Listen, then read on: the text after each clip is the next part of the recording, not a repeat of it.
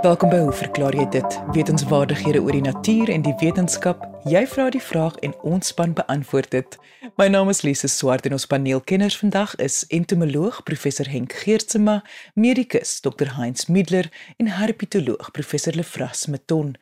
En as jy 'n vraag het, stuur jou e-pos na lise@rsg.co.za.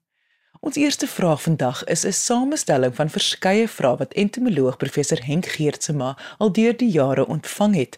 Die deurlopende vraag: Wat is die belang van insekte? In die algemeen bekommer die breë publiek om nie juis oor die afname in verskeidenheid en welstand van die wêreld se insekbevolkings nie. Insekte word eerder as pla, hinderlike goeters, siekteverspreiders, stekende buitende en 'n oorlas beskou. Meeste mense leef in stedelike omgewings en die insekte wat hulle meestens sal teekom is die wat in ons huise voorkom, soos kakkerlakke, vliee, kleremotte en silwervisse wat nie welkom is nie en so gou moontlik verjaag of doodgemaak moet word. Klaarblyklik is dit grootendeels te wyte aan die min bekendstelling en aantoon van die belang van insekte in ons omgewings deur bioloë insluitende ekoloë en sogenaamde entomoloë. Mense wat nie besef hoe groot hulle bepaalde op besondere vakgebied behels nie. In beslot van sake is dit onmoontlik om alles te weet van 'n groep diere wat 75% van die dierverskeidenheid of biodiversiteit uitmaak. Insekte is die talrykste groep diere insluitende hul totale biomassa op aarde. En so baie van hulle verdwyn, sal die algemene biodiversiteit beduidend daaronder lê. Verder, met alle diversiteit en voorkoms, is insekte duidelik betrokke en vorm 'n belangrike deel van alle aardse en varswater voedselketTINGS en voedselwebbe. Byvoorbeeld, ruspers, plantluise en sprinkane is herbivore wat plantmateriaal in insekproteïen omskep wat op sy beurt weer deur groter diere verteer kan word. Ander soos wespe, kewers en witsprinkane vorm die volgende vlak in die voedselketting as predatore van die herbivore. Beide herbivore en predatore vorm weer voedsel vir verskeie ander diere soos voëls, vleermuise, spinnekoppe, reptiele, paddas, kleiner soogdiere en visse wat min of glad nie die ete sou kry sonder die basis van insekte. Op hulle beurt sal groter predatore soos valke wat op insekvoedende voëls, paddas of vis jag, honger ly, was dit nie vir insekte nie. Die verlies aan inseklewe in die voedselketting sal nie net katastrofies vir die natuurlewe wees nie, maar ook 'n direkte uitwerking hê op die mens se voedselvoorraad. Meeste mense in die noordelike halfrond skram weg van die idee om insekte te eet, want die lig daarvan in ons gereedelik krewe en garnale wat soos insekte soortgelyk met hulle gesegmenteerde liggame en uitwendige skelet sal eet. Ons ou voorouers het sekerlik insekte geëet. In die suidelike halfrond egter vorm insekte 'n belangrike komponent van beskikbare voedsel vir 'n groot deel van die bevolkings met die praktyk algemeen in Suid-Amerika, Afrika en Asië. Ongeveer 2000 soorte insekte word deur die mense al daar genuttig insluitend verskeie soorte ruspers, kewerlarwes, mure, wespe, motpapies, stinkbesies, sprinkane en krieke in. Dit word beraam dat meer as 1600 ton opaniewurms per jaar in Suidelike Afrika geëet word. In Sentraal-Afrika word meer as 30 soorte pauoogmotte se ruspers deur die inheemse bevolkings versamel as voedsel. Die ruspers word gedroog en geniet as knapperige happies of geblik of gerooster met eie en tomaties. Geblikte suiwer ruspers verdien 'n geskatte 50 miljoen dollar per jaar in Thailand. In Japan word sekere sprinkane as 'n luukse eetproduk verkoop. 'n Voorkeurgereg van keiser Hirohito was byvoorbeeld gekookte perdebye met rys. Almal is bekend in Mexiko met ruspers en die drank. Ek het reeds verwys na stinkbesies op tradisionele onthale in Wenda word gedroogde stinkbesies as 'n lekkerny aangebied. Meeste van die eetbare insekte word in die veld of bos versamel Maar hoekom sal die mense as alternatief tot die boerdery van bees, varke en hoender nie ook insekte as 'n voedingsbron produseer nie? Slagvee soos beeste gebruik heelwat energie om warm of koel te bly en is vergeleke met plantvredende insekte swak omsetters van plant proteïen na dierproteïen. Nadat 25 kg verteer word, word 'n gewigstoename van 1 kg by die bees waargeneem. Insekte is koudbloedig en meer doeltreffend as plantbenutters en kan 1 kg potensiële voedsel vir die mens vanaf net 2.1 kg plantmateriaal vervaardig en is dus 12 keer meer doeltreffend as beeste. Voeg hierby dat beeste baie meer water en ruimte en veearts aandag nodig het vergeleke met byvoorbeeld krieke of meelwurms. Ook is insekproteïene skynbaar gesonder as die van diere en is bovendien ryk aan noodsaaklike aminosure met heelwat minder versadigde vet. 'n Ander voordeel is dat die kans om 'n siekte soos malkoei siekte of ander veesiektes op te tel is dan ook baie minder. Ook produseer insekte baie min of geen metaangas nie en groei vinniger as soogdiere.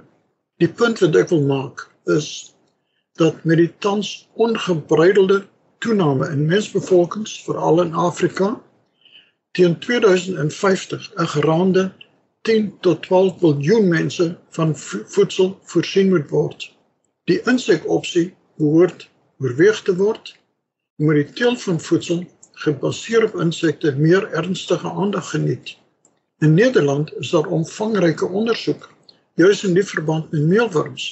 Die smaak van sulke voedsel is dalk nie so aangenaam nie, maar kan met speserye of ander bymiddels 'n bietjie meer aanneemlik gemaak word. Wanneer ons varswatervis soos forel eet, eet ons eintlik indirek insekte, die enigste voedselbron van die insek. Jy luister na Hoe verklaar jy dit? Saam met my, Lise Swart, net hier op RSG.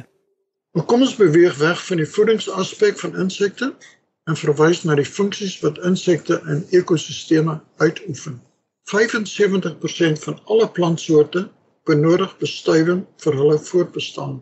Die funksie word meestal deur insekte vervul. Die ander 25% van plante, soos grasse, insluitend koring en keelgewasse, soos dennebome, word windbestuif. Sonder insekbestuiving sal plante geen saad vorm nie en baie plantsoorte sal geleidelik verdwyn. Meeste insekbestuifde blomme is juis daarom kleurryk en vorm deel van 'n omgewing se blommepragt. Die uiteindelike gevolg is dat met die afname of selfs verdwyning van plantsoorte, die gevolg ook 'n verwoestende uitwerking sal hê op elke landelike gemeenskap wat dus verarm en verander word, veral omdat plante die basis vorm van enige voedselketting en dus ekosisteem. Insekte vorm dus 'n belangrike en die nie die belangrikste deel in terme van ekosisteem bediening nie. Met die geskatte toename in die wêreldbevolking sal daar nie genoeg gesonde voedsel, insluitende groente, sade en vrugte, halwe sekere graangewasse vir die massas geproduseer kan word nie. Wat graangewasse betref, is dit net so kritiek vir die mens voedselsekerheid. Dink net aan die huidige toestand in die grootste graanproduserende lande van Europa. Ek wil nie eers die kwessie van globale verwarming of klimaatsverandering op ons samelewing en voedselsekerheid noem nie behalwe dat baie in die nie die meeste insekte het sy skadelik of nuttig baat sal vind vir wie hulle verbasende aanpassingsvermoë om nuwe terreine te beset. Buiten plantbestuiving is insekte ook baie belangrike biobeheeragente. Was dit nie vir predatore soos lieweneerbessies, grondkewers, oorkruipers, gaasvlekkies, perdeby en sweefvliee nie, so insekpla op gewasse moeiliker beheer kon word en die gebruik van bestrydingsmaatreëls en metodes wat op sigself 'n probleem vorm vir die omgewing noodsaaklik maak. Baie wespe is parasiete op ander insekte en kan onder gunstige toestande plaaggetalle tot onder die verdraagsame vlak laat daal en dit daar hou. Insekte kan ook gebruik word om ongewenste of indringer plante te beheer. Dink aan die Turksvy probleem veral in die Oos-Kaap wat die veld kan oorneem of soos 'n luisteraar van Makwaland wat in 'n vorige program juis na die probleem verwys het. In Australië het die Turksvy probleem in die vroeg 20ste eeu so erg geword dat die Turksvy mot Cactoblastus cactorum van Suid-Amerika na Australië ingevoer is en later vanaf Australië is die mooitjie weer na Suid-Afrika ingevoer om die Turksvy probleem te verhelp. Die waterhyacint is 'n groot probleem in die Hartbeespoortdam naby Pretoria. 'n Plantvretende Suid-Amerikaanse kewer, spesifiek voedend op die onkruid, is onlangs ingevoer om die plaag te bestry. Insekte is ook betrokke by organiese afvalverwerking deur kompostering, nie net in natuurlike omgewings soos in die veld of woude nie, maar selfs in ons eie tuine. Tuiniers wat hulle eie kompos maak, weet daar's talryke kleiner insekte soos erfvlooie, glad nie verwant aan vlooie nie, wat hulle duisende kan voorkom in 'n komposhoop, maar ook talryke larwes van kewers, perdeby en vliee wat help met die omsetting van die dooie plantmateriaal. 'n Goeie voorbeeld van koeipastytjie beheer deur insekte kom weer eens uit Australië. Daar is geen inheemse hoefdiere in Australië nie en met die invoer van veral beeste is die veiding as dit ware beset of besmet met talryke beesmis met die gevolg dat vlee 'n geweldige plaag daar geword het. 'n Span ondersoekers van Australië was lank gebaseer in Pretoria en het die Afrikaanse miskruiers bestudeer dwars deur Afrika en daar is toe 23 miskruiersoorte na Australië ingevoer en is die koeipastytjie en vliegprobleem so opgelos. Miskruiers self is belangrik vir die omgewing. Nie net verwerk hulle die organiese afval van diere na plantopneembare produkte nie, dus die hersirkulering van nutriënte, maar dra ook by deur hulle tonnelaktiwiteite in die grond met beligting en waterhouding van die grond self. Forensiese wetenskap is 'n belangrike deel van ondersoeke na misdaad. Deur na die voorkoms van 'n verskeidenheid van insekte, insluitend die aanwesigheid van larwes, maaiers en papies van verskillende soorte kewers en vliee te kyk, kan die ondersoekers aan die hand van bekende groeitabelle van die insekte en verlope klimaattoestande die tydperk van byvoorbeeld 'n moord met 'n redelike akkuraatheid voorspel. Enige situasie het egter twee kante. Hier het ek eers die nut en omvang van die belang van insekte in ons lewe genoem. Hulle rol in die handhawing van ekosisteme is uiters belangrik. Die keersy is egter dat daar ook insekte is wat ander organismes soos plante en diere insluitend die mens self nadelig raak. Dink maar aan die uitwerking van malaria of geelkoors, Zika of die rivierblindheid. Daar is vele ander insekgedraagde siektes en virusse deur insekte oorgedra word. Insekte wat ons voedselproduksie voorraad bedreig ons skuilings en selfs omgewings ongeskik maak vir bewoning. Ons weet baie van die talryke soorte insekte en hulle nuttige en of funksionele rol in die omgewing. Daar is geskatte 5 miljoen soorte insekte. Van meer as 3 kwart daarvan weet ons feitelik niks nie. Farmaseutiese maatskappye doen veral ondersoek, sogenaamde bioprospektering, in reeds talryke stowwe, byvoorbeeld in sekere skoonappels se vlerke gevind met geneeskundige eienskappe teen onder andere suikersiekte en kanker. Feit is, insekte is deel van ons lewe en van die omgewing op groot en klein skaal. So ons beskawing verdwyn, sal insekte bly voortbestaan en voortwoeker. En dit was entomoloog professor Henk Geertsema. Onthou indien jy 'n vraag het, kan jy 'n e-pos stuur na lise, dit is L I S E by rsg.co.za of direk deur RSG se webwerf gaan net na www.rsg.co.za.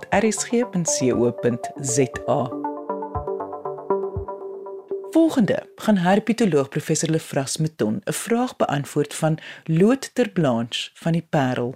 Professor Meton Loot ter Blaans van die Parel skryf dat hy al sedert 1970 op dieselfde erf bly en waar daar aanvanklik baie verkleemannetjies en skinke was, het die twee spesies geleidelik verdwyn het. Daarenteen het die aantal geitjies dramaties toegeneem. Ander mense in die Parel het dit het dieselfde waarneming gemaak. Hy is nou nuuskierig om 'n logiese verklaring vir hierdie verskynsel te hoor.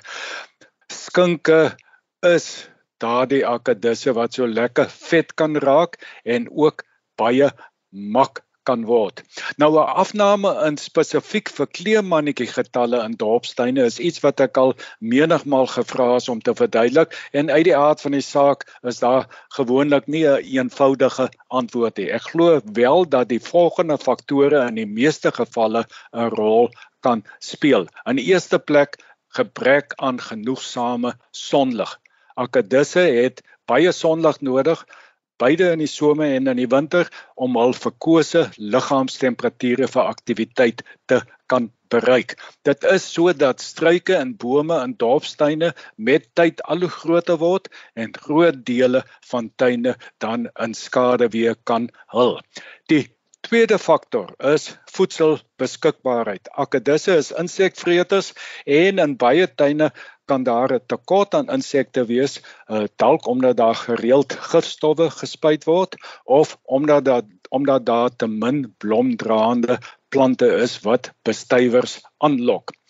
In die derde plek Baie honde en katte is bedrewe akedisvangers en kan oor tyd getalle seker drasties laat krimp. En dan laastens, versperrings wat die vrye beweging van akedisse beperk. In die laaste 30 jaar of so het dit mos nou mode geword om huiserwe met soliede strukture te omheind.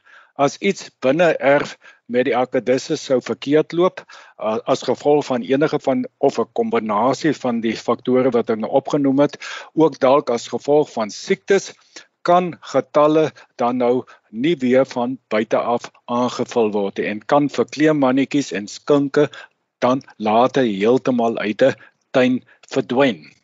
In geheel gesien is dorpsgebiede vyandige omgewings vir veral grondlewende akedisse. Ek moet daarom sê, ook sê dat onder geskikte toestande daar uh, ook soms abnormale hoë getalle van skinke en verkleemannetjies in 'n tuin teenwoordig kan wees hoofsaaklik weens die afwesigheid van natuurlike vyande soos slange en roofvoëls. Nou wat dan nou van geitjies?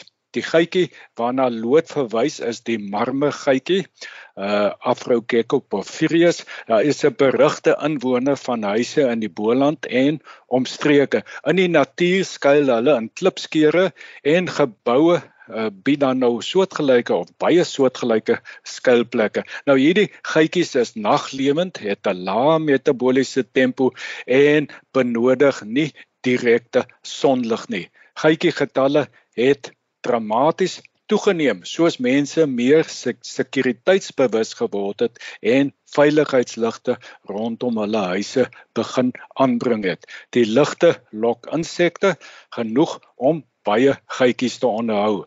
Honde en katte kan hulle nie teen die mure bykom nie en hulle natuurlike vyande, veral slange, is ook afwesig. So dit is glad nie vreemd dat geitjies so goed doen in dorpsgebiede nie. En dit was herpetoloog professor Lefras Meton. Ons kitsvraag van die dag word gevra deur GP en beantwoord deur medikus Dr Heinz Middler. Ek wonder of die spoed van lug wat mens inasem en die wat jy uitasem dieselfde is of verskil. Ek glo 'n topfiks long moet vinniger uit as inasem om slyme uitwaarts te dryf. Dr Middler Ja, GP, dit is dit is 'n interessante vraag, maar dit is ook 'n ingewikkelde antwoord. As ons kyk na normale asemhaling, kom ons kyk net gou na die fisiologie daarvan. Asemhaling bestaan uit inspirasie en ekspirasie. Inspirasie is 'n aktiewe proses en die aktiewe proses behels die die gebruik van 'n verskillende entiteite wat wat jou in staat stel om asem te haal. Kom ons kyk eers na spierkrag. Jy moet spiere hê om te kan inasem. So jy kan byvoorbeeld Ehm um, as jy spier swakheid het of spierverlamming het, dan sukkel jy met asemhaling. Kom ons vat 'n voorbeeld van mense wat in die ou dae erge polio gehad het. Nou, polio kan so erg wees dat dit jou asemhalingsspiere en dit is nou jou diafragma en die spiere tussen jou ribbe kan dit so aantas dat dit heeltemal verlam is en dan kan jy nie inasemhaal nie. Nou dan lê hierdie mense in die bekende eysterlong jy weet daar's twee maniere hoe jy iemand kan ventileer wat nie self kan asemhaal nie. Jy sit 'n pyp in die keel en jy koppel dit aan 'n ventilator en jy blaas positiewe druk in en dit laat die borskas uitsit en dit is jou inspirasie. Nou in hierdie persone gaan dit nie werk nie want dan is hulle heeltyd op 'n ventilator en dan het hulle eintlik nie 'n lewe nie. So dan gebruik jy die eysterlong en dit is 'n negatiewe inspirasie. So die eysterlong sit styf om die liggaam, hy suig basies, hy maak 'n negatiewe druk en hy suig die borskas uit. En soos jy die borskas uitsuig, stroom die lug in en dit is jou inspirasie. So jy moet um, spierkrag hê om te kan inasem. Dan moet jy ook 'n patente lugweë hê. So as jy van jou trachea af tot in jou um, bronchie moet oop wees sodat lug vrylik kan vloei. As jy byvoorbeeld kroep, 'n kind met kroep, hoor jy hierdie blaffende hoes of 'n stridor, dit is 'n obstruksie, dis 'n swelling in die boonste lugweë wat dan hierdie klanke gee en wat lugvloei belemmer. Dit beteken die lugvloei in is nie voldoende nie en die kind um, stuk sukkel om vinnig en genoeg lug in te asem as dit byvoorbeeld laar die obstruksie is soos met mense wat asma kry wat bronkospasma kry die bronkie trek toe dan is dit weer eens dieselfde. Die lugvloei is onvoldoende en hulle moet begin sukkel om asem te haal en vinniger asem te haal om voldoende suurstof in te kry. Dan die ding van obstruksie soos hy ook genoem het om slijm. Slijm is 'n groot probleem om byvoorbeeld lugvloei te uh, in te kort en mense met bronkietis en slijmproppe um, sukkel om lug in te kry en dit is waar die hoesrefleks inkom waar jy byvoorbeeld van die slijm moet ontslaa raak om weer jou bronkie oop te kry. En dan die groot faktor by inspirasie is vervormbaarheid, die long se vervormbaarheid of soos die Engels sê compliance. Dit is soos die ballon wat jy moet opblaas op 'n sekere punt gaan hy maklik op en af en dit is soos die longe op. As jy inasem en as die longe heeltemal plat is, dan is dit redelik moeilik om hom op te kry, maar wanneer hy begin uitsit, dan gaan dit al hoe makliker. En die graad van hoe maklik jou longe uitsit is die vervormbaarheid. Die vervormbaarheid is nie net vir inasem nie, maar ook vir uitasem want daai elastiese terugslag wanneer jy nie meer inasem nie, is belangrik om weer plat te val. Ons gaan nou daaroor praat. En dit is een van die probleme wat ons met COVID gesien het. COVID verander die longe en jy kry fibrotiese uh, fibrotiese uh, veranderinge in die long Dit beteken die long raak stig of styf, sy vervormbaarheid of sy compliance neem af en jy moet harder werk om asem te haal en die mense raak uitgeput en dit soveel so dat jy nader op 'n ventilator eindig. Nou dit is alles faktore wat inspirasie beïnvloed. Ekspirasie is 'n passiewe proses. Dit beteken jy hou op met inspirasie, jy verslap net passief en die lug vloei uit. Nou weer eens, as jy nie vervormbaarheid het nie, of jy het nie of jy te veel obstruksie in jou lugweë of jou lugweë is toegetrek, dan gaan ekspirasie nog langer neem want de, jy moet van daai lug wat ingeasem word weer ontslaa raak wat in is moet uit. So ekspirasie is gewoonlik langer as inspirasie omdat dit 'n passiewe proses is. As jy byvoorbeeld oefening doen en jy het normale lange, dan pas jou fisiologie aan hoe vinniger jy asemhaal, hoe dieper jy asemhaal, want jy het vervormbare longe, jy het patente lugweë, jy het nie slijm nie, so op die ou einde is dit op dieselfde, kom dit op dieselfde neer. As jy byvoorbeeld eh, wil hoes, dan moet jy lug agter die slijmprop hê en jy moet 'n hoesrefleks hê, jy moet voldoende long eh, hê om daai slijm uit te hoes en dit maak nie saak of jy fiks persoon is of nie. Ehm um, solank jy die hierdie faktore het, so spierkrag, jou patente lugweë en nie permanente obstruksies in jou uh, lugweë nie en jy het 'n vervormbare long, dan sal jy daai slijmprop kan uitdoes of jy nou fiks is of nie. En dit was medikus Dr. Heinz Middler. Indien jy 'n vraag het, stuur jou e-pos na lise dit is l i s e by rsg.co.za. Onthou jy mag onder 'n skuilnaam skryf of vra om anoniem te bly. Ek sê baie dankie aan ons kenners en vraagstellers vandag. Onthou om altyd nuuskierig te bly en vra te vra. Tot volgende week net hier op RSG saam met my Lise Swart. Totsiens.